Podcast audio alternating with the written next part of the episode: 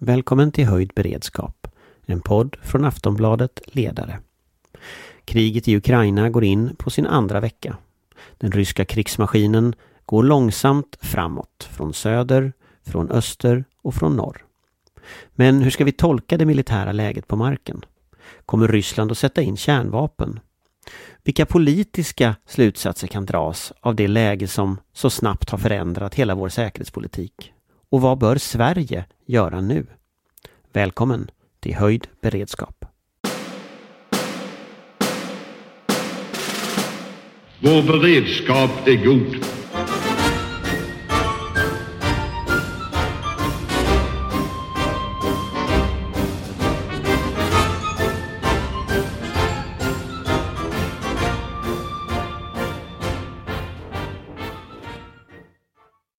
Ja, då sitter vi här igen. Och eh, idag så är, eh, jag vet inte vad man kan säga att vi har ett tema riktigt, men eh, i dagens podd i alla fall så är det jag, Anders Lindberg, det är Amanda. Wollstad, Svensk Tidskrift, på plats nere från Malmö. Patrik. Oksanen, Tankesmedjan Frivärd, Senior Fellow. På plats i ett bibliotek. Och Johan. Viktorin, VD för Intil Group. Ja, och vi är ju då på den andra veckan nu av eh, invasionen i Ukraina. Och eh, jag tänkte väl egentligen att vi, vi, det är en sån absurd situation att sitta och prata här. Vi, vi har pratat om detta i teorin i eh, ja, år nu. och nu händer saker i praktiken som ju på många sätt är det vi har pratat om. och jag tänker att att eh, både att det inte är liksom för dramatiskt för människor, för nu får man ibland känslan när man läser rubriker i tidningen att folk tror att det ska bli så kärnvapenkrig imorgon och det, det är ju inte riktigt så. Men samtidigt att man förstår läget, vad som faktiskt händer. Och det tänkte vi prata om lite idag och lite om liksom de politiska förändringarna och lite om Sverige också. Idag träffades ju försvarsberedningen Eh, och det finns ju en process, en diskussion om också NATO som är intressant här i, i Sverige som eh, händer på något sätt nu i realtid. Men jag tänkte att vi börjar med Johan och lite vad händer på marken i Ukraina? För det är ju trots allt där allting börjar. Och utifrån öppna källor och så, vad, vad vet vi? Och i luften för det, och till havs. Förlåt. Men... Alla dimensionerna. Nej men vi börjar i... Vid cyberrymden. Eh, vi går, ja det är också någonting annat. Men eh, om vi börjar i eh, och går lite medsols då så eh, läget kring Kiev, huvudstaden, så rycker ryska styrkor fortfarande fram från nordost. Eh, på andra sidan Dnepr mot Kiev det pågår strider väster om Kiev. Ryssarna har försökt att eh, skära av Kiev västerifrån. Och sen finns det det här norra anfallet från eh, med den här berömda kolonnen. Och där har det ju skett för första gången nu på tre dagar ett något försök till flyganfall från ukrainsk sida med något enstaka flygplan. Och eh, jag hade tänkt att ta upp det här så det kommer ganska lägligt att eh, det ger en liten bild av när den här i princip har stått still i tre dagar att statusen på det ukrainska flygvapnet är inte alltför hög. Eh, för annars hade man satt in de här angreppen tidigare. Det är liksom ingen hemlighet, det är liksom en, en öppen hemlighet att den här kolonnen rör sig otroligt långsamt. Och min bedömning är att det framförallt beror på, jag trodde först min bedömning att man liksom ville dra ihop skyddet ordentligt och, och liksom hopp, det man brukar kalla för att hoppa bock. Man grupperar ut luftvärn och sen kryper man fram och så måste man gruppera om luftvärnet. Att det är det som har dragit ner tempot. Men jag tror faktiskt att det är vägarnas skick som gör att de här hjulgående underhållsfordonen har svårt att ta sig fram och det är för stor risk att köra fast. Eh, I den här leran som finns. Eh, så ser inte vädret ut på andra ställen, exempelvis i öster, där eh, det pågår strider kring Charkiv, där vi hade uppgifter igår om luftlandsättning och då är det ju frågan om med helikoptrar sydost om Charkiv. Ett Försök att skära av Charkiv förstås. Det är ju frågan om vad man ska med den här staden till inledningsvis. Det var en stad som under andra världskriget bytte ägare många gånger mellan tyska och sovjetiska styrkor. Så den här delen av Ukraina är vana vid väldigt hårda strider, eh, får man ju säga. Sen går det väldigt bra för Ukraina nere i sydost. De håller alltså stånd där väldigt väl. Nu har de kanske sina bästa trupper nere i Donbassområdet. Men det i samband med att Ryssland anfaller ur, från Krim upp mot eh, floden Dnepr och söker sig norrut längs den floden. Så för varje timme som går så ökar då risken att de ukrainska styrkorna nere i Donbassområdet till slut blir avskurna. För de behöver också underhåll eh, och liknande grejer. Så att här kommer det de närmaste dagarna bli någon form av eh, beslut för den eh, ukrainska militära ledningen i takt med att Ryssland kryper framåt. När ska vi dra ur de här styrkorna? För Dnepr är en väldigt stor flod eh, som det är svårt. Har då ryssarna skurit av havet? Man har ju i princip skurit av hela Azovska sjön och eh, man har tagit i huvudsak, eh, kanske finns lite småstrider kring Cherson också. Eh, så då blir det väldigt svårt att försörja styrkor eh, öster om floden Dnepr. Så att det här kommer vi få se en utveckling kring dem eh, till helgen och, och, och, i nästa vecka skulle jag tro. Och sen slutligen då kring Odessa så, så har vi sett bilder på landstigningsfartyg eh, i Svarta havet. Det har ju varit så att det varit ganska höga vågor och, och blåst ganska mycket och det är inte det bästa landstingsväget. Det har nu börjat mojna lite grann och därför så finns det någon möjlighet att Ryssland försöker sig på en landstigning utanför Odessa någonstans för att ytterligare skära av eh, Ukrainas försörjningsmöjligheter, vilket ju naturligtvis kommer få konsekvenser. Odessa är ungefär som Göteborg är för Sverige kan man säga. Det går att föra in eh, eh försörjning andra vägar också, men det är den enskilt största och viktigaste importhamnen, eller handelshamnen ska man säga. Då. Det är väl om man går, ja i väster kan vi säga då att där är ju än så länge vägarna öppna och det är ju naturligtvis otroliga köer i västlig riktning. Men det verkar inte vara några större problem i östlig riktning förutom då vägspärrar och sånt som finns som man måste liksom trockla sig igenom. Om man tittar på den här eh, ryska taktiken verkar ju ha varit en kniptångsmanöver eh, med eh, snabbhet som centralt element i början. Det elementet är väl rimligen borta i dagsläget? Ja, alltså man har ju förlorat. Eh, det har ju slagit slint kan man ju säga. Eh, Vad beror det på att det har slagit slint? Ja, troligtvis för att man underskattade det ukrainska motståndet.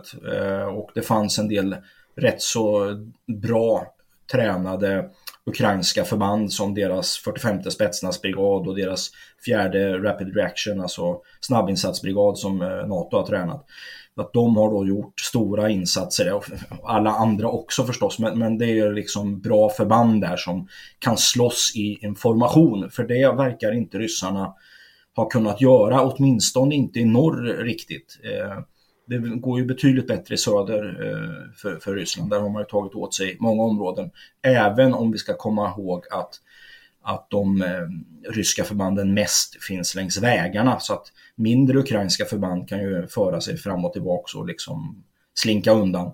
Men, men det är svårt med de här stora eh, förbanden att röra sig. Hur, hur, hur långa underrättelselinjer kan ryssarna upprätthålla om man tänker att de fortsätter mot Dnepr och fortsätter västerut? Det, det var ju idag ett samtal mellan Macron och Putin och där Macron om jag tolkar uttalandet från LUC-palatset rätt så säger i princip Macron att Putin tänker ta hela landet. Eh, alltså hur långa försörjningslinjer klarar ryssarna av att upprätthålla? Om nu, om nu ukrainarna bedriver jägarstrid liksom på bakom och, och, och sådär. Mm. Alltså det är väldigt svårt. Jag kommer ihåg när jag studerade på Försvarshögskolan så läste vi en bok av generalen Manteuffel som förklarade under andra världskriget att det var liksom omöjligt att föreställa sig hur det ser ut när en rysk armé kommer framåt. Därför de, de livnär sig på det de hittar helt enkelt. Eh, Ryssland är väldigt duktiga på logistik, strategisk logistik, att skifta stora jättestora formationer från den ena landsändan till den andra tack vare ett väldigt väl rustat järnvägsnät. Och de är duktiga på, på den typen av grejer. Det är liksom inget snack om den saken. Men när man nu kommer in här då får man precis som du är ute efter långa utdragna underhållslinjer där man ska då sitta i en, i en gaslastbil i 20 km i timmen och trockla sig fram i i timtals eller halvdygn för att man ska nå fram med artilleriammunition och bränsle till trupperna där framme. Så att eh, det är en, en sårbarhet. Sen är det då frågan om eh, hur förberett det ukrainska motståndet är för den typen av strid. För det är eh, en, en, bra tränad eh, trupp. Vi hade 14 stycken jägarbataljoner eh, under kalla kriget. Eh, skulle ju åstadkomma en enorm skada på den här ryska eh, invasionen. Eh, jag är inte så säker på att Ukraina har den tillgången till den typen av eh, förband på, som är tränade på det sättet. Sen kan de då enskilt i mindre enheter trakassera, störa eh, och göra livet allmänt till ett helvete. Jag räknade innan eh, kriget började på att eh, ni kommer kanske ihåg att eh, inför Irakkriget 2003 så blev ju den amerikanske dåvarande generalstabschefen Shinseki, eh, han blev chikanerad av Rumsfeld, försvarsministern. Därför eh, amerikanerna lämnade, amerikanska militären lämnade då in en, en begäran på 400 000 i ockupationstrupp i Irak. Och de fick 175 om jag kommer ihåg det här rätt nu då. Och det finns alltså eh, möjligheter att ungefär beräkna vad som behövs för populationskontroll. Och då har jag räknat på att det skulle krävas ungefär 300 000 personer, soldater för att hålla östra Ukraina öster om Dnepr huvudstaden oräknat. Kanske skulle gå åt 50 50-100 000. Men då pratar du om en miljon för hela Ukraina? Ja, uppåt, eh, inte riktigt kanske, men 600 000 soldater kanske. Men plus Kiev? Ja, ja, ja Kiev. Det, det är lite svårt och det blir lite liksom mellan tummen och pekfingret mått. Men det är väldigt eh, många. Ja, och, och det är frågan om då kommer de ha råd att göra detta så att säga. Utan det är ju då det handlar om att du ska få in nationalgardet, du ska liksom eh, sätta upp ukrainska trupper som, som kan vara lojal då med den installerade regimen. Så går nog tänkandet för de måste liksom lösgöra ockupationstrupp, de kan liksom inte bli bundna där eh, om de har andra ambitioner. Och det, det tror vi ju nu att de har. Men där... sista frågan då, om du tittar mm. framåt nu, eh, det går inte att förutse, men om man bara tittar lite i liksom, eh, kristallkulan här. Om, vad, se, vad, kommer vi att se närmsta dagarna här över helgen? Och alltså, vad är liksom den logiska militära logiken som ryssarna kommer, vad kommer de att försöka göra? Um, de kommer försöka att fortsätta att omringa och skära av Kiev. Eh, för det blir då lite lättare att tas med den staden. Jag tror att de eh, nu på kort sikt, de har, Ukraina har sagt att det finns mängder med sabotageförband inne i Kiev som man jagar så att säga då. Men, men eh, de måste liksom mjuka upp, om man får använda det ordet då, motståndet inne. Och det handlar då om att skära av från försörjning och så måste det den effekten tar ju ett, ett tag innan den liksom sätter in ordentligt. Att det inte kommer in någon mat, att det inte finns någon ström, att det inte finns något fungerande vatten etc. Eh, och sen kommer vi nog få se urskillningslösa anfall på med, med artillerield egentligen och, och liknande in mot staden. Och samma sak i Charkiv. Eh, det är nog det vi har väntat oss den närmaste tiden. Det dröjer nog, alltså Ukraina eh, kan nog hålla ute minst en månad i den stan. I Kiev. Det tror jag. Mm. Patrik? Nej, men det är ju, vi behöver mentalt börja förbereda oss på att vi kommer att se bilder från Kiev som eh, för tankarna till Grozny och Aleppo med den förstörelsekraften. Eh, jag tror, liksom Johan, att eh, ukrainarna kommer att slåss till slutet och Putin-regimen tänker också slåss till slutet. Så att det är mörkt och blodigt. Sen tror jag ju också att eh, är det någonting som, som eh, Ryssland kommer att försöka prioritera så är det ju att eh, hitta sätt att bryta den ukrainska motståndskraften. Eh, hittills så har man ju helt misslyckats med det. Eh, och det har ju varit uppgifter om att man har skickat in förband som, som skulle jaga Zelensky och, och har misslyckats med det. Men vi, vi kanske får se eh, fler försök på att komma åt eh, den ukrainska statsledningen. Amanda? Ja, nej, jag delar väl den. Det kommer ju bli betydligt värre eh, och det får vi nog vi stålsätta oss för, höll jag på att säga. Det är ju inte vi som behöver stålsätta oss primärt. Eh, men det här Ukrainarna gör ett otroligt jobb, eh, både militärt men inte minst när det gäller propaganda i positiv bemärkelse, eh, hålla uppe eh, försvarsviljan, kontakter med utlandet, kommunikationen och hittills också i en otroligt svår situation visat stor medmänsklighet med till exempel eh, ryska soldater som har gett upp eller, eller har vi, vi, vet ju inte och det kan ju komma annat naturligtvis. Det är ett krig och, och känslorna svallar åt alla håll. Men, men hittills har man ju förmått hålla en väldigt hög nivå även i liksom bekämpandet och, och förmått se för det har vi också sett, det handlar ju om, um, um många av dem är ju unga pojkar eh, från Ryssland. Enligt eh, många uppgifter så vet de ju knappt var de är eller vad de gör där. De har varit på övning eller blivit till, till, skickade till Ukraina utan egentliga instruktioner, utan information och plötsligt befunnit sig i ett skarpt krig när de förväntas skjuta på medborgare i grannlandet. Eh, och det har man ju på något sätt förmått lyfta och hantera från Ukrains sida också. Så att all heder till dem, men det kan ju också naturligtvis ändras allt eftersom terrorbombningarna blir mer utbredda och vi, vi ser ju redan nu eh, krigsbrott från, från, inte minst från rysk sida, där man urskillningslöst bombar civila mål eh, till exempel. Så att eh, det, det, kommer bli mycket värre och det gäller ju att hålla, hålla i och eh, fortsätta stödja Ukraina på de sätt vi kan helt enkelt, inte minst mentalt och hjälpa till att ta emot flyktingar och det kommer väl behövas allt mer humanitär hjälp även om det förhoppningsvis så småningom kommer gå att få in i landet. Det som Amanda tar upp här med, med, den psykologiska krigföringen, den är ju viktig och nästan eh, lite, lite eh, fascinerande så är det ju att se att eh, man får nästan känslan av att Ukraina har läst det arbete som Johan Victorin och jag håller på med Kungliga krigsvetenskapsakademin Eh, kring, kring cyber och, och påverkan i ett projekt. Det är inte publicerat ännu men, men man kan se att deras arbete följer precis de, de så att säga, vektorer som vi har identifierat som viktiga och att man måste hitta olika sätt för att, att påverka. Och då handlar det om att stärka den egna försvarsviljan. Det handlar om att bygga en förståelse i omvärlden så att omvärlden vill hjälpa en.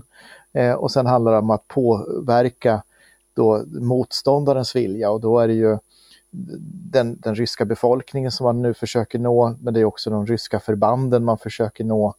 Eh, och så försöker man också skicka då en signal till den ryska statsledningen att det här, det här kommer ni att inte lyckas med. Eh, och där i det sistnämnda så kan man ju säga att, att den amerikanska underrättelseuppgifterna som skickades ut om, om vad Ryssland tänkte göra, det var ju framförallt riktat mot den ryska statsledningen, men hade också en aspekt på att bygga, bygga så att säga en, en förståelse i, i väst om vad som kommer att komma för att eh, snabbare kunna mobilisera ett svar. Amanda?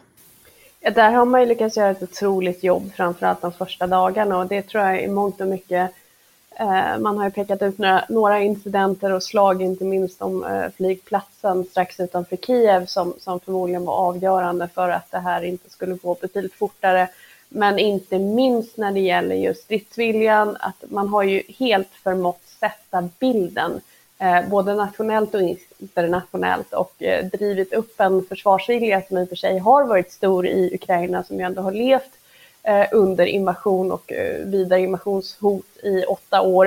Eh, men jag tror också att de sätter agendan när Zelensky stannar, eh, drar på sig uniformen, sänder inifrån Kiev. Eh, man sätter väldigt tydligt eh, från dag ett att alla stannar och slåss för sitt land. Här ska ingen ge upp. Vi kommer aldrig att, att lämna moderjorden. Eh, och samtidigt då, det har ju kommit rapporter från att han via via videolänk har, har hållit brandtal inför eh, grupperingar inom EU till exempel. Jag vet att eh, även på lägre nivå eh, myndighetschefer och så vidare har varit med på videolänk från skyddsrum eh, till sina internationella motsvarigheter, till internationella grupperingar. Man har varit väldigt tydlig med att eh, kräva och förvänta sig och få. Och vi har ju sett en otrolig uppslutning, långt mycket mer än vad man hade kunnat vänta sig i sina cyniska ögonblick. Så det har ju uppenbarligen fungerat och att man från dag ett har kört så hårt på den linjen och helt förmått sätta bilden av att Ukraina förtjänar, förväntar sig och ska ha stöd och fått alla med på den eh, det budskapet. Det, det, tror jag har varit enormt avgörande för att eh, det inte är över redan. Men där, där, känner jag när jag tittar på det mm, utan att liksom ja, kunna ryska eller ukrainska, men det är, det är så uppenbart att den här fördelen som man har tänkt att den ryska propagandan som ska vara så väldigt duktig och skicklig och så, den har liksom den ukrainska strategin spolat bort på några dagar. Och, och det, det, är ändå väldigt skickligt med tanke på att det fanns ju en massa grupper i väst som ändå drev ryska narrativ. Och de grupperna har ju i princip sprungit och gömt sig hela bunten. Det finns väl några kvar men det är det, det, man, får liksom, man, man, hittar liksom inte den typen av aktörer. Till och med så Marine Le Pen får, får eh, förstöra sitt valmaterial för att Putin var med i det för att det funkar inte i Frankrike längre. Och Det är ändå en, en, en rörelse som har lånat sina pengar till valrörelsen från Putin i flera gånger om. Liksom. Så, så att det, han har liksom, det känns som att Zelensky har på något sätt satt han har helt ändrat den mentala kartan för hur man förstår agerandet. Och det där är, tycker jag är väldigt intressant att se. Eh, och det blir kul att se efteråt vad, vad, har, vad var det som hände egentligen? För det, det här skiftet är så snabbt så att jag aldrig sett något liknande. Men nu har, vi ju Johan, sett, att det, ja. Ja, nu har vi sett att det går. Eh, allt det här. Ja, nu har vi sett att det går, precis. IOK, Fifa, eh, Eurovision, alla stora företag, alla de här som i alla tider har sagt att de inte kan till, agera Till och med Ikea till slut på sluttampen ja. här som sist i klassen verkar Som alltid hävdat att vi kan inte hävda på egen hand, vi måste följa, ha lagstöd, vi måste ha officiella sanktioner att förhålla sig till. Det har ju bara tagit några dagar så har ju alla tvärvänt, helt på egen hand. Så att det går ju och jag menar den vetskapen kommer ju finnas kvar. Vi behöver faktiskt inte låta de här totalitära fasciststaterna vara med och leka. Johan, Ja, jag tänkte bara säga, jag glömde bort att summera att eh, summa summarum av det jag sa innan är att jag bedömer att de kan inte betvinga Ukraina. De kommer försöka och därför kommer de, eh, det kommer vara fruktansvärda scener vi kommer kunna få vittna från det här landet. Men de kommer inte kunna göra det och en, en stor orsak till det, förutom den här försvarsviljan, det är ju just omvärldens stöd. Därför du kommer ha en öppen västgräns till Polen framförallt. Eh, som gör att du kan föra in stöd. Och det pågår ju med all säkerhet utan att veta så liksom bara rent rimligtvis så finns det också en stor informationsförsörjning till den ukrainska militära och civila ledningen om var ryska förstärkningar finns någonstans, var de flyger någonstans eh, och, och, deras planer också för den delen. För det är ju uppenbart att amerikanerna penetrerar igenom det här och säkert britterna också. Zelensky pratar med Johnson varje dag. Eh, och där är den informationsförsörjningen med min bedömning en väldigt viktig in ingrediens varför de håller det sambandet därför de är ruggigt bra på det där. Man kan ju tänka sig ett scenario... Jag, tänker... ja. Ja, jag tänkte fylla i och säga att man kan ju tänka sig ett scenario som uppkommer här. Det är ju då att eh, när, när Ryssland efter en mycket lång och blodig strid eh, som kommer att föra tankarna till Stalingrad Eh, Eh, till sist har tagit Kiev eh, och man har nått fram till Dnepr och man har tagit Adjessa och knutit ihop det till, till Transnistrien i Moldavien. Eh, och någonstans där så, så blir det ett, ett skyttegravskrig som, som, eh, som, som stillar av för att Ukraina har inte kraft att, att gå till motangrepp och Ryssland har inte kraft att besegra den västra delen. Men jag tänker att eh, också lite på det temat så tänker jag att en väldigt vanlig fråga som jag får av, av läsare och som jag får på mail och sådär nu det är om, om kärnvapen. Och eh, vi såg ju för ett par dagar sedan så höjde han ju bered, Putin beredskapen i strategiska kärnvapenstyrkor. Eh, och, och, där tänker man ju någonstans strategiska kärnvapen, USA mot eh, Ryssland och sen så har världen så upphört att existera. Men om man tittar liksom på mera realistiska scenarier, och taktiska kärnvapen, som ju trots allt Ryssland har, eh, och som Ryssland också har doktriner för att faktiskt använda i olika stridssituationer. Och där tänker jag Johan, liksom, vad är risken att, precis som Patrik säger, att det kör fast och att Ryssland bestämmer sig för att sätta in taktiska kärnvapen för att ta sig ur en sån situation? Hur, hur kan man bedöma en sån risk? Alltså det, jag vet inte om jag kan bedöma det, men eh, jag, det är inte uteslutet, tyvärr. Men, men eh, jag tror det. Alltså det är ju om den ryska regimen uppfattar att man själv står inför eh, ett direkt hot på hemmaplan. Men man kan väl säga att den ryska regimen för ju nu ett slags krig mot sin egen befolkning också. Man har ju liksom gått i totalitär riktning och inför undantagslagar och stänger ner de sista fria eh, medierna. Så att eh, ehm, det sitter ju väldigt långt in att man skulle nå dit hän. Då får det gå betydligt längre tid, tror jag. Men det är, alltså, de slåss ju för sin regimöverlevnad. Det är ju det som är det reella skälet. Det finns ju ingenting. Det andra är ju, det är ju bara liksom argument som man staplar på varandra och det rör sig ju alltifrån eh, ja, alltså det är helt absurda förklaringar man kommer med varför man skulle behöva göra det. här. Nu var man ju ute i, med parlamentets eh, talman här och eh, säger att vi stod inför ett anfall dagen efter från, från USA egentligen via Ukraina och därför var vi tvungna att förebygga detta. Så man håller på med massa sådana modeller. Det här handlar om regimöverlevnad. Mm. Jag vill lägga till där i, i resonemang om kärnvapen att, att eh, man måste också se dem som ett psykologiskt vapen. Ett psykologiskt vapen att få oss att bli paralyserade i väst att eh, hota med det, skapa rädsla, precis som den, den, den rädslan och den reaktionen du möter.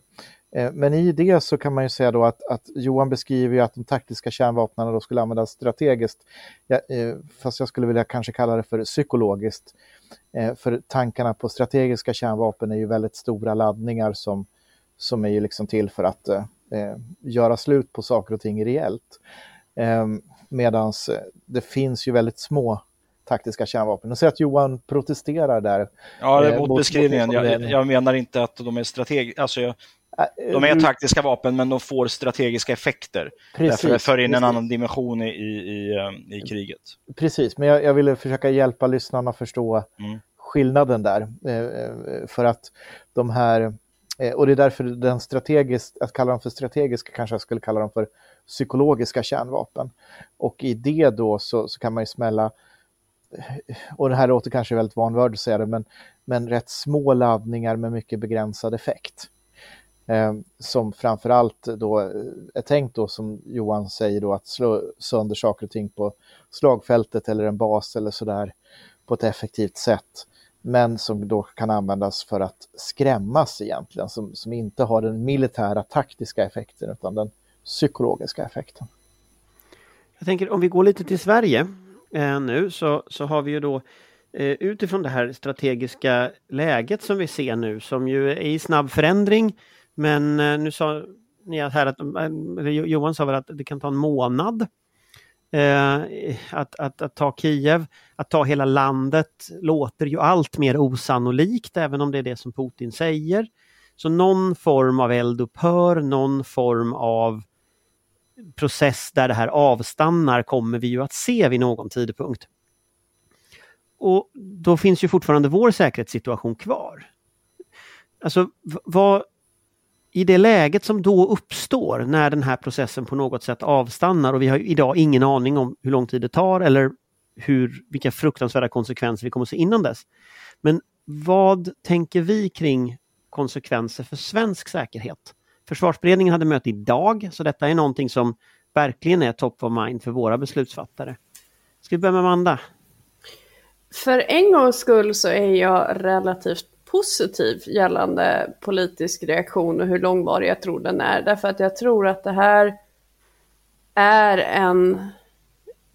Allting förändrades förra torsdagen. Eh, så enkelt är det. Och jag tror att eh, de flesta faktiskt förstår det den här gången. Eh, det, det, blev så tydligt nu, dels naturligtvis i det fruktansvärda våldet, övervåldet, krigsbrotten som begås från Ryssland, alltså att det är det här vi, vi har att hantera. Eh, det är den här motståndaren vi har att hantera, det är det här vårt närområde har att hantera. Men också den snabba uppslutningen eh, och den breda uppslutningen och det tror jag påverkar nästan lika mycket. Att eh, Tyskland nu ska snabbupprösta försvaret. Eh, ska satsa enorma pengar, både direkt kortsiktigt som engångsbetalning för att eh, fixa så mycket förmåga man kan, men även långsiktigt lovar att nå upp till 2% målet. Eh, att man har sett de donationer och det stöd man har, att man har sett den skärpningen man har gjort i europeisk politik, tror jag innebär att även svenska politiker förstår att det här är en långsiktig förändring av spelplanen. Och detta gäller i någon mening allt. Eh, och det tycker jag att politiker från båda blocken, men inte minst regeringen, har haft problem med.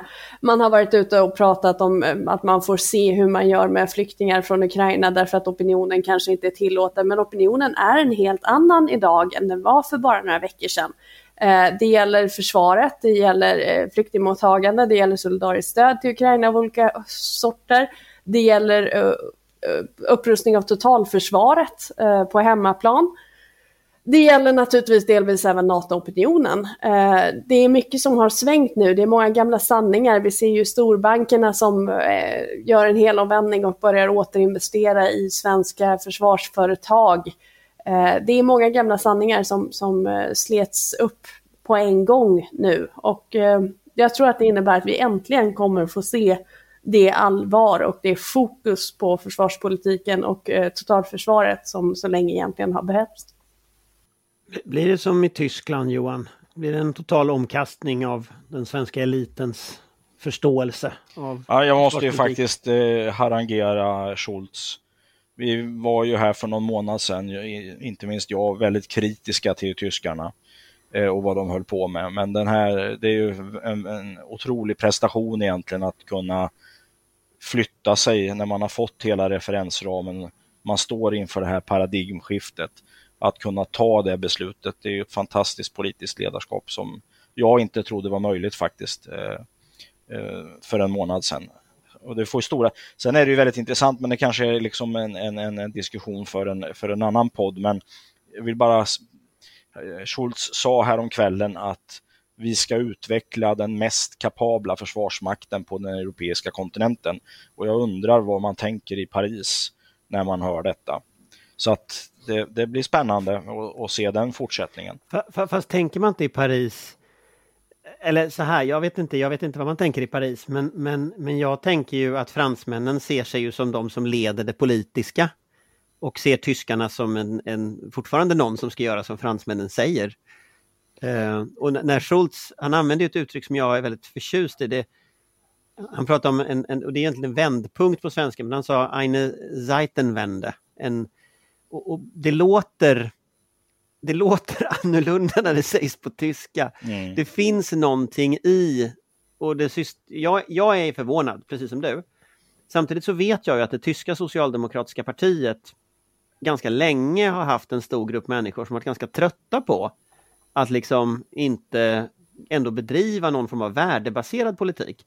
Och vi såg faktiskt det där redan i, eh, försvar, i eh, regeringsdeklarationen från Schultz. Eh, det står uttryckligen i deras regeringsdeklaration att det ska vara en mera värdebaserad utrikespolitik. Det ska vara mindre viktigt med liksom ekonomiska saker. Men att det skulle gå så här långt, det trodde inte jag. Och så snabbt. Nej, men, men, det var väldigt roligt att se att Lars Klingbeil som är partiledare, de har ju två där partiledare, men Lars Klingbeil han var ute och sa att eh, Schröder i princip kunde fara och flyga. Och det tycker jag, det var inte en minut för tidigt eh, faktiskt.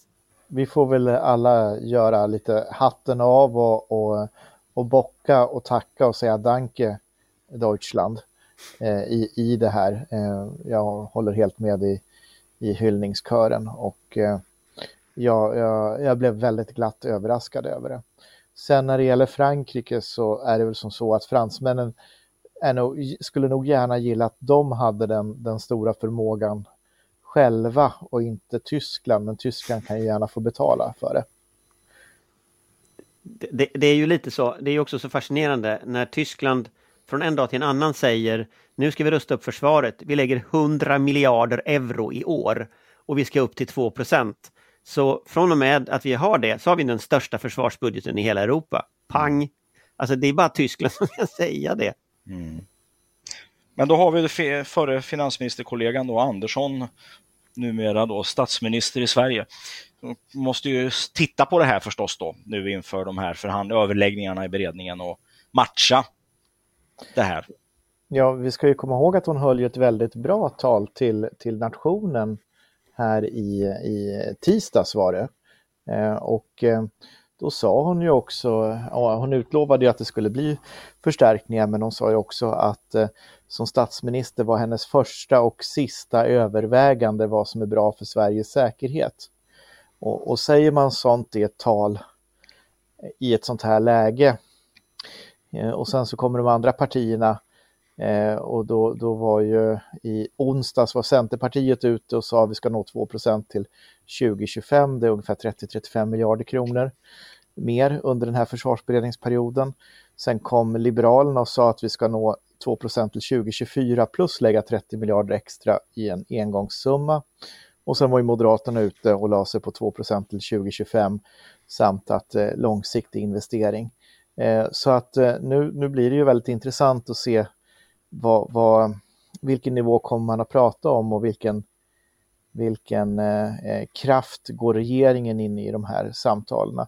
Hultqvist har ju sagt lite grann efter försvarsberedningen och då har han sagt att det kommer att komma mer pengar men han vill inte, han vill inte prata siffror i det här läget utan återkommer när allting är klart. Men där finns ju också en annan fråga i, i, den, i den och det är ju samarbetena med NATO som, som eh, det är väldigt intressant eh, nu. Det jag ser i Socialdemokraterna det är ju, jag hör ju lite överallt ifrån att folk börjar undra både utifrån en diskussion om alliansfriheten i sig, att, att man vill närma sig NATO. Och då aktiverade man ju tämligen omgående den här eh, eh, utbytet som ju sker med staber och på stabsnivå. Så så här nära som Sverige är nu i NATO-strukturen har vi inte varit innan och det är en intressant förändring. Men även att de som idag driver detta i Socialdemokraterna eh, hårdast, det är alltså vänsterfalangen och vänsterfalangen eh, i form av till exempel Daniel Suonen som ju var väldigt tydlig i att han, han såg att i alla fall någon form av övervägande måste ske. Peter Gustafsson som var ute och skrev en debattartikel där han faktiskt förespråkar NATO-medlemskap. Eh, det här är personer som tillhör partivänstern, alltså de som traditionellt har varit hårdast när det gäller alliansfriheten och den linjen. Och det är väldigt intressant därför att, därför att det är också en slags förändring av spelplanen i vad eh, regeringen har att förhålla sig till. Eh, så. Och där får vi ju se. Och jag tror ju som jag har sagt i den här diskussionen i olika sammanhang att jag tror inte man ska kasta om säkerhetspolitik i en, krissituation. Det är inte det som är frågan. Men de samtal som börjar nu, det är samtal som kan leda till en helt annan säkerhetspolitik. Och där funderar jag jag funderar lite på hur, hur man tänker liksom från Moskva och sådär i det här att nu har man satt igång de processerna både i Sverige och i Finland. Eh, på ett sätt som jag faktiskt inte trodde att man ens skulle kunna göra. Eh, men just det här oerhörda övervåldet och den enorma mängden hårdvara man sätter in, att det är liksom ett, en total in, in, invasion i ett suveränt land. Eh, och där man faktiskt säger att man ska förinta i princip, eller man ska väl radera bort i princip eh, Ukraina från kartan. Eh, man verkar ha som mål att mörda president Zelensky. Alltså det, det är ett sätt att agera som jag tror chockar folk. Eh, så att jag, jag på, på, en liksom nivå som jag inte riktigt trodde var möjlig faktiskt. Eh, också i det interna, det är inte bara på sätt fotbollsföreningar och sånt som i Fifa och sådär, utan det är också på djupet hos människor tror jag det här förändrar någonting. Och det är en intressant, jag vet inte vart det där tar vägen. Jag vet inte om det som ni säger med att Kiev kommer att se ut som Aleppo, liksom, det, det kommer bara att förstärka detta. Uh, men det är sådana enormt starka processer hos människor som har gått igång. Så att jag, ja, jag undrar vart det här tar vägen. Johan? Nej, sen, jag tänkte bara komplettera det här med eh, jämförelsen med Tyskland och Sverige här också. Ehm, det är ju en press då på, på statsministern och hennes parti att verkligen skjuta till eh, minst 2% eftersom Schultz kan ju luta sig mot en, eh, en allians med fördrag vilket ju vi än så länge inte då är inne i. Så att det förpliktigar också. Men för ja, en sak bara, du som, du som kan allting om, om hur man bygger upp saker. Alltså, om du lägger 100 miljarder på ett försvar nu, så gör Schultz det. Jag har egentligen två frågor i mitt bakhuvud. Det ena är liksom, hur lång tid tar det för honom att få ordning på det där så att det ger någon slagstyrka? Och det andra är, när han gör det, blir det några, någon försvarsmateriel kvar till oss då? Eller suger han upp allting då till Tyskland så vi sitter här uppe liksom? Ja, det är, det är en bra fråga. På den senare brukar man ju säga att har man inte liksom bäddat ordentligt då får man köpa gårdagens materiel till morgondagens priser. Så att det är ju när det gäller det här med att suga upp eh, saker och ting. Eh, jag vet inte, det var ju en diskussion innan allt det här bröt ut eh, kring ersättningen av tyskarnas tornadoplan. Och, eh, och det har ju då att göra med det så kallade nuclear sharing som man har då med ett antal stater som Tyskland och Belgien etc. Då, har plan som är kapabla att bära kärnvapen och det har ju då varit en väldigt hetsk debatt i Tyskland kring detta. Där det finns starka röster för att man inte skulle ersätta det med den förmågan. Men jag undrar om inte det ligger F35-or i det här, alltså amerikanskt eh, avancerat flygplan. Eh, att det är det man avser, bland annat då att, att göra. Sen vet väl tyskarna att de får väl tillbaka en del pengar då om de bygger upp och satsar och köper från sin egen försvarsindustri. Det blir teknologiutveckling och alla möjliga saker eh, när kanske då ja, när man försöker liksom komma ifatt eh, på informationsområdet eh, gentemot kineser och så vidare. Så, men jag tror man har många av de aspekterna. Och sen den viktigaste av allt, det är att jag tror att amerikanerna, eh, den amerikanska administrationen har sagt till Europa att ni måste nu ta ett större ansvar. Vi, kom, vi kommer att liksom skydda er och vi har våra kärnvapen och de, vi har vår underrättelseförmåga och medan ni bygger upp det där så är vi mer. Men vi måste också ha höjd för att det händer någonting i Asien. Och det, jag tror att det är där någonstans det har börjat egentligen och då har, har man liksom kommit till det här så att det har varit i säck innan det kom i påse som man brukar säga. Patrik, förlåt, jag avbröt dig förut. Ja, nej, men jag, jag, jag är ledsen nu för lyssnarna för, för att nu kommer vi att hoppa lite grann i, i, tråden här. Men jag blev så fascinerad och så intresserad egentligen av, av din spaning med Suonen och Gustafsson och partivänstern som, som nu kliver ut och eh, blir, blir från, från en partivänster som var med Mona Salin och pratade om att man skulle uppmana USA att dra tillbaka alla baser. Till att Nej, det var faktiskt NATO. Vänsterpartiet, det var inte Socialdemokraternas ja, var, partivänster. Ja, ja okej, okay, det var inte Socialdemokraternas, partivänster. partivänster. Men, men, men det var i alla fall under den, den tiden så fanns det en, ett synsätt i, i, i som, en, en helt annan strömning i debatten. Eh, men, men vad ligger bakom det här? Eh, och och, och vad, vad, kommer det att betyda för, för regeringen då att ha en samlad borgerlig opposition eh, som gör gemensam sak med partivänstern? det är inte hela partivänstern till att börja med. Nej, Däremot, men delar av den i alla fall. Ja, och jag tror att den här föreningen som Daniel Suonen har ju tagit initiativ till, den så kallade Reformisterna, de samlar ju väldigt många av dem som eh, ändå har varit aktiva under, under väldigt lång tid i en, ändå en någon slags alternativ liksom, ekonomisk politik och sånt där. De har historiskt inte varit så intresserade av säkerhetspolitik. Så att, så att det är klart att det, det finns en, en, eh, en, eh, vad ska jag säga, alltså det finns en magkänsla när man ser det hända som Ryssland gör. Att den säkerhetsordning man hade byggt antagandena kring eh, alliansfriheten på, den säkerhetsordningen finns inte längre. Eh, slutakten från Helsingfors finns inte längre, eller den finns ju, men den är värdelös. Och när liksom den typen av fundamenta är värdelösa, då är vi lite tillbaka i den positionen, om ni kommer ihåg när så här, Palme reagerade på invasionen i Tjeckoslovakien som ju föregick Helsingforsstadgan. Alltså när man hade den så kallade Brezhnev-doktrinen, när Ryssland ansåg sig ha rätt att ingripa. Om man går tillbaka till den punkten, men minus det faktum att, att, eh, att Sovjetunionen finns, då har man en situation där rätt mycket av den liksom folkrättsliga grunden för väldigt mycket av det som har varit FN-linjen eh, eh, liksom, ja, den måste ju någon, vid någon tidpunkt ersättas av avskräckning. Och då tittar man ju ut i världen och så ser man att avskräckningen inte finns där. Och jag tror att den insikten, eh, den har ju många haft. Men jag tror att liksom det förändrar på djupet hur många resonerar. Eh, och, och det, det, man ska inte glömma den liksom kopplingen till att jag till exempel tror ju i grunden på att internationell rätt är utgångspunkten. Om det slutar gälla, att det blir på något sätt en starkes rätt, då har vi ju ett fundamentalt problem i hela liksom, världsordningen. Jag är inte beredd att säga att vi ska gå med i NATO i dagsläget. Men vad jag säger är att jag vet inte hur vi ska göra, för det beror på läget efter det här. Och det är en fundamental förändring hos väldigt många. Det Peter Gustafsson säger är att vi ska gå med i NATO. Han går ett steg längre, vilket ju är ganska intressant. Men så är det. Men det beror på det jag sa, att liksom det här folkrättsliga fundamentet på något sätt. Eh, om det inte håller, ja, vad gör vi då? Ja, då tittar vi på andra alternativ. Så att säga. Jag vill se det först så att säga, innan jag byter åsikt, om jag ska byta åsikt. När är det här läget över då enligt dig Anders? Det vet inte jag för att det beror på omvärldsläget och det vet jag inte. Och jag tror faktiskt just nu att det pågår en ganska bred diskussion ute i rörelsen, i fackliga organisationer, i LO.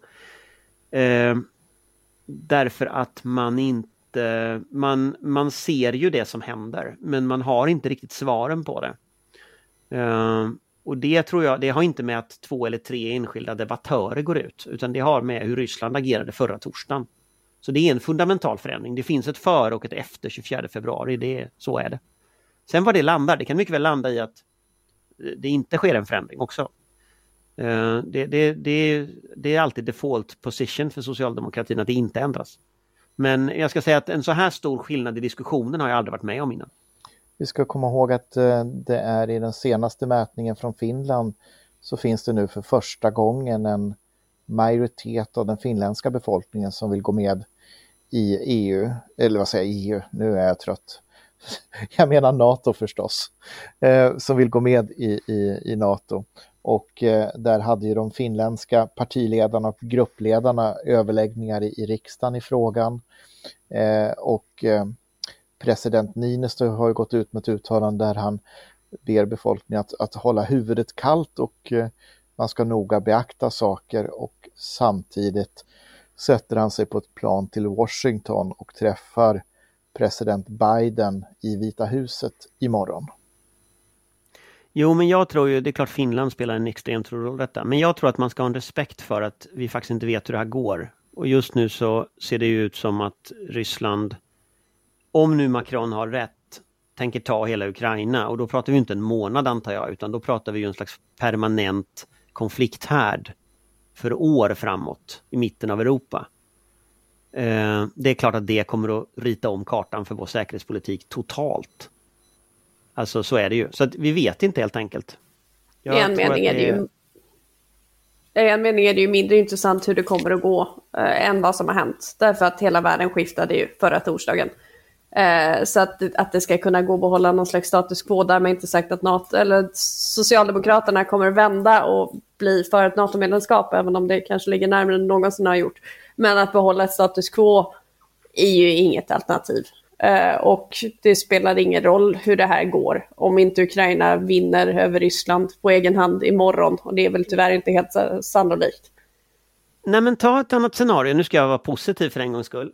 Tänk om det blir så här att de kör fast i leran. Jag menar, han blir inte den första i så fall som kör fast i Ukrainas lera. Det har ju hänt förut. Vissa andra så, eh, länder har gjort det. Eh, och sen så, den, så börjar sanktionerna verka mot den ryska eliten. Eh, och sen börjar de väpnade styrkorna i Ryssland fundera på, är det så här så kul? Och sen börjar interna liksom, splittringar ske inom eliten. Vet vi att Putin sitter kvar om ett år? Alltså, det, det, det, krig går aldrig som man har tänkt sig, tänker jag. Och det kan få en massa konstiga bieffekter. En, en, en förändring i Ryssland av en regime change i Ryssland, det kommer ju att få ske inifrån Ryssland, så är det ju. Men jag tänker ju att det inte är omöjligt och jag tänker att vi kanske kan bidra från väst till en regime change i Ryssland. Eh, för det är ju det som behövs. Så länge Putin sitter där så kommer ju han att hota eh, väst och hota sina grannländer. Så är det. Så att det är klart att och det fanns ju en massa tekniska idéer från eh, kalla kriget som användes för att ändå fälla kommunistregimer. Eh, man kanske ska plocka upp lite av de verktygen igen. Johan? Nej, alltså den som har bäst möjligheter är ju armén att plocka bort honom. Men man vet ju, be careful what you wish for, därför man vet ju inte, det är ju liksom okontrollerbart vad som händer. Du kan ju lika gärna få en, en regim som är ännu mer nationalistisk, det vet vi ju faktiskt ingenting om. Så att... Eh... Nej, men det är ju det som också är, det är, där, det är därför jag säger att vi måste ha respekt också för att vi faktiskt inte vet. Vi vet Mm. inte. Uh, Vi vet ju jag- så mycket. jag tycker att jag ser en väldigt stor förändring i hur man samtalar kring frågorna, både när det gäller Mm. 2% mål eller vad man ska prata om. Eh, både vad gäller liksom volym på värnplikten, en fråga som jag skriver om idag i Aftonbladet, att vi behöver prata om en helt annan volym i framtiden på värnplikten ganska snart. Så att folk förstår liksom, att, att det är ändå någon form av grund. Jag tror vi måste, det kommer att vara i frågan om relationen till NATO, eh, hur nära vi är, hur mycket vi övar. Det kommer ju oavsett medlemskap att vara så att Sverige kommer att vara närmare NATO. Eh, I form av övningar, i form av liksom, hur man ser på, på staber och allt sånt där. Så jag menar, det, det går ju så fruktansvärt fort nu så att jag tycker det är svårt att se. Men på ett sätt så är väldigt mycket av vår gamla försvarspolitik är ju överspelad sedan i torsdags, det är ju så.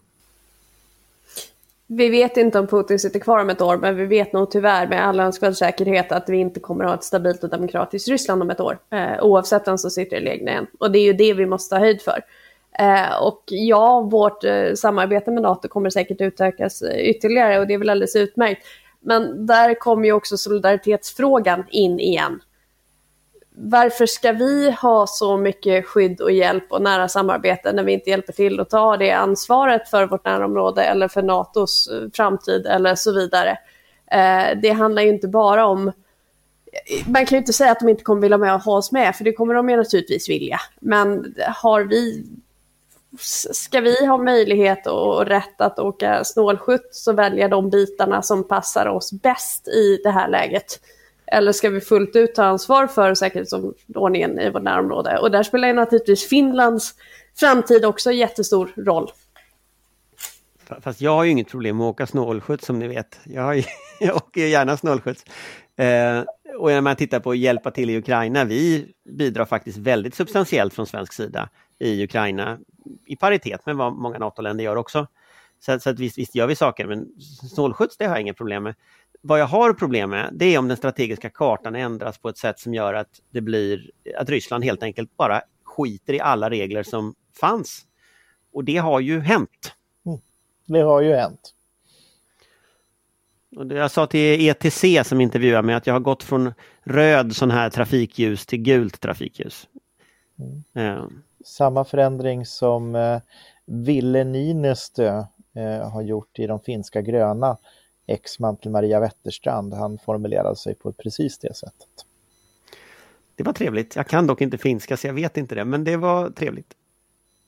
Ja, jag pratade svenska nu ifall du märkte det.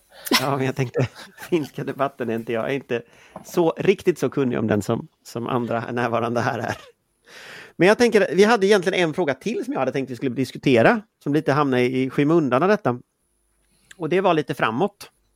Eh, för, för som jag frågade Johan militärt, vad händer framåt? Och Johan vågar inte längre sätta så här fasta saker. Så här, da, krig, vad var det Oskar Jonsson sa? Kriget kommer det här datumet. Och så. Ja, det kom några veckor senare. Men om vi liksom spekulerar fullständigt nu. Vad tror vi att vi kommer att se den närmsta helgen och liksom så på den politiska nivån? Militärt är en sak, men liksom politiskt. Jo, eh, Patrik ser ut att vilja säga något. Oj, det hoppades jag inte att jag skulle se, vilja se ut och vilja säga något, men då får jag väl göra det ändå. Eh, men politiskt så skulle jag säga så här att eh, jag förväntar mig inte några stora... Eh, alltså det, det, det, för vår vidkommande så är ju mötet med Nineste och Biden i, i Vita huset imorgon stort.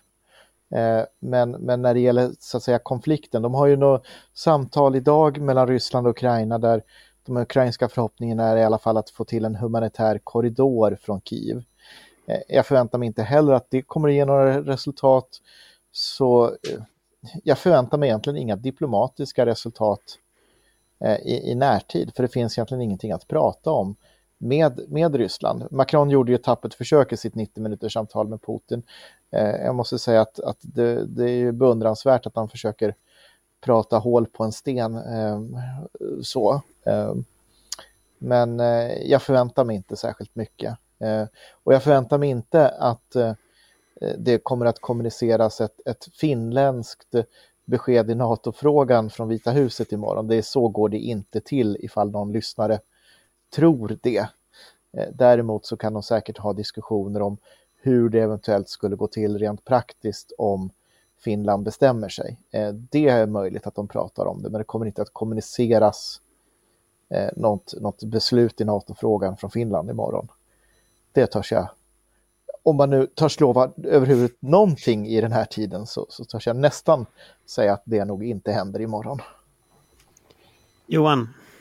Nej, jag är nog ganska mycket på Patriks linje där. Alltså, Ryssland har ju inte uppnått någonting militärt som man kan omsätta politiskt. Eh, man har inte slagit sönder den ukrainska militära förmågan. Man har inte eh, ersatt ledningen med eh, kollaboratörer. Eh, så att eh, det, det, finns inte mycket att hämta där. Eh, det kan vara värt att nämna att eh, utrikesministern imorgon också deltar i eh, NAC alltså North Atlantic Council som är det högsta beslutande organet i NATO. Där NATO-ambassadörerna träffas och där är då Sverige och Finland med också. Och det är ett viktigt möte förstås då och det ska ske fysiskt in person. Eh, var det noga understruket. Så att eh, vi får se vad som, vad som händer. Eh, det blir nog läget kanske blir lite klarare i slutet av nästa vecka. Amanda?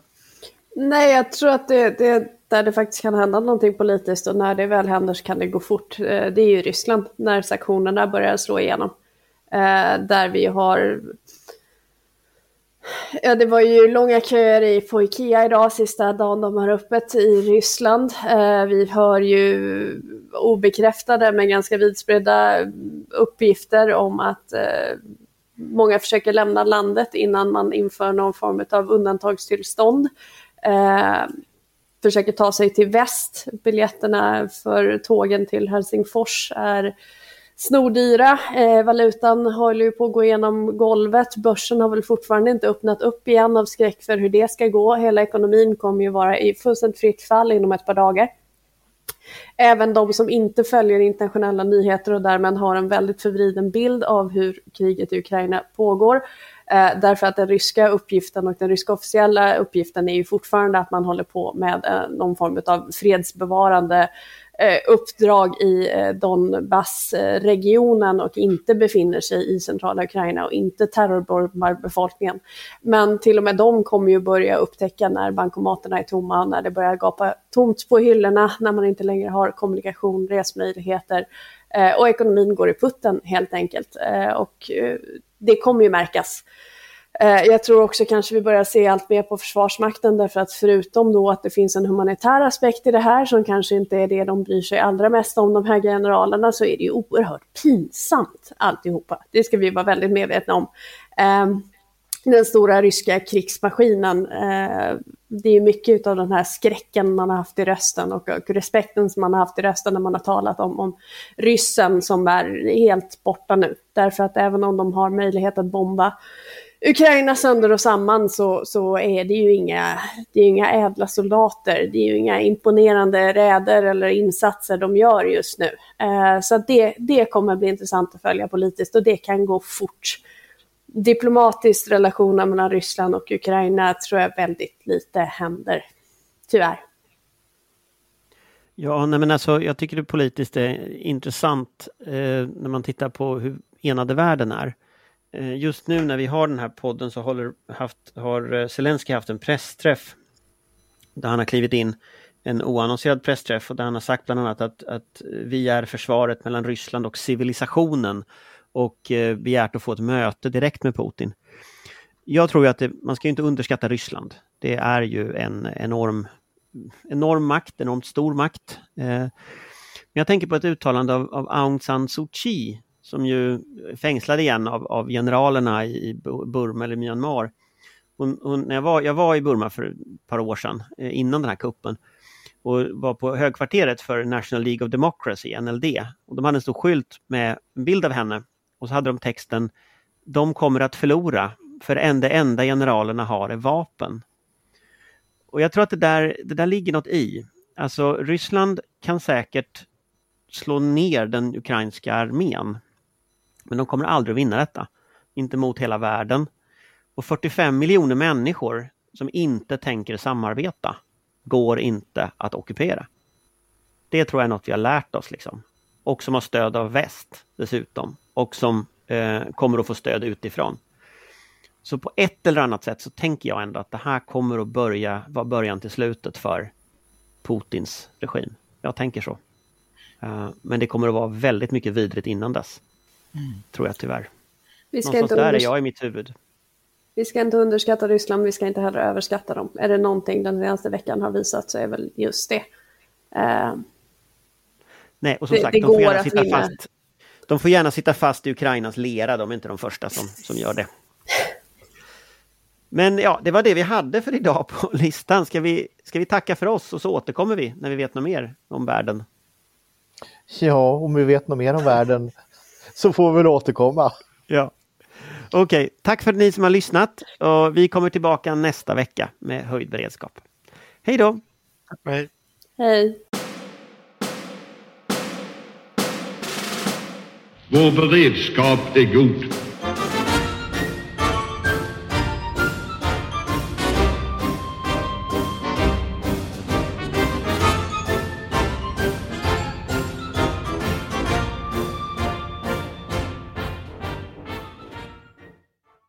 Du har lyssnat på en podcast från Aftonbladet. Ansvarig utgivare är Lena K Samuelsson.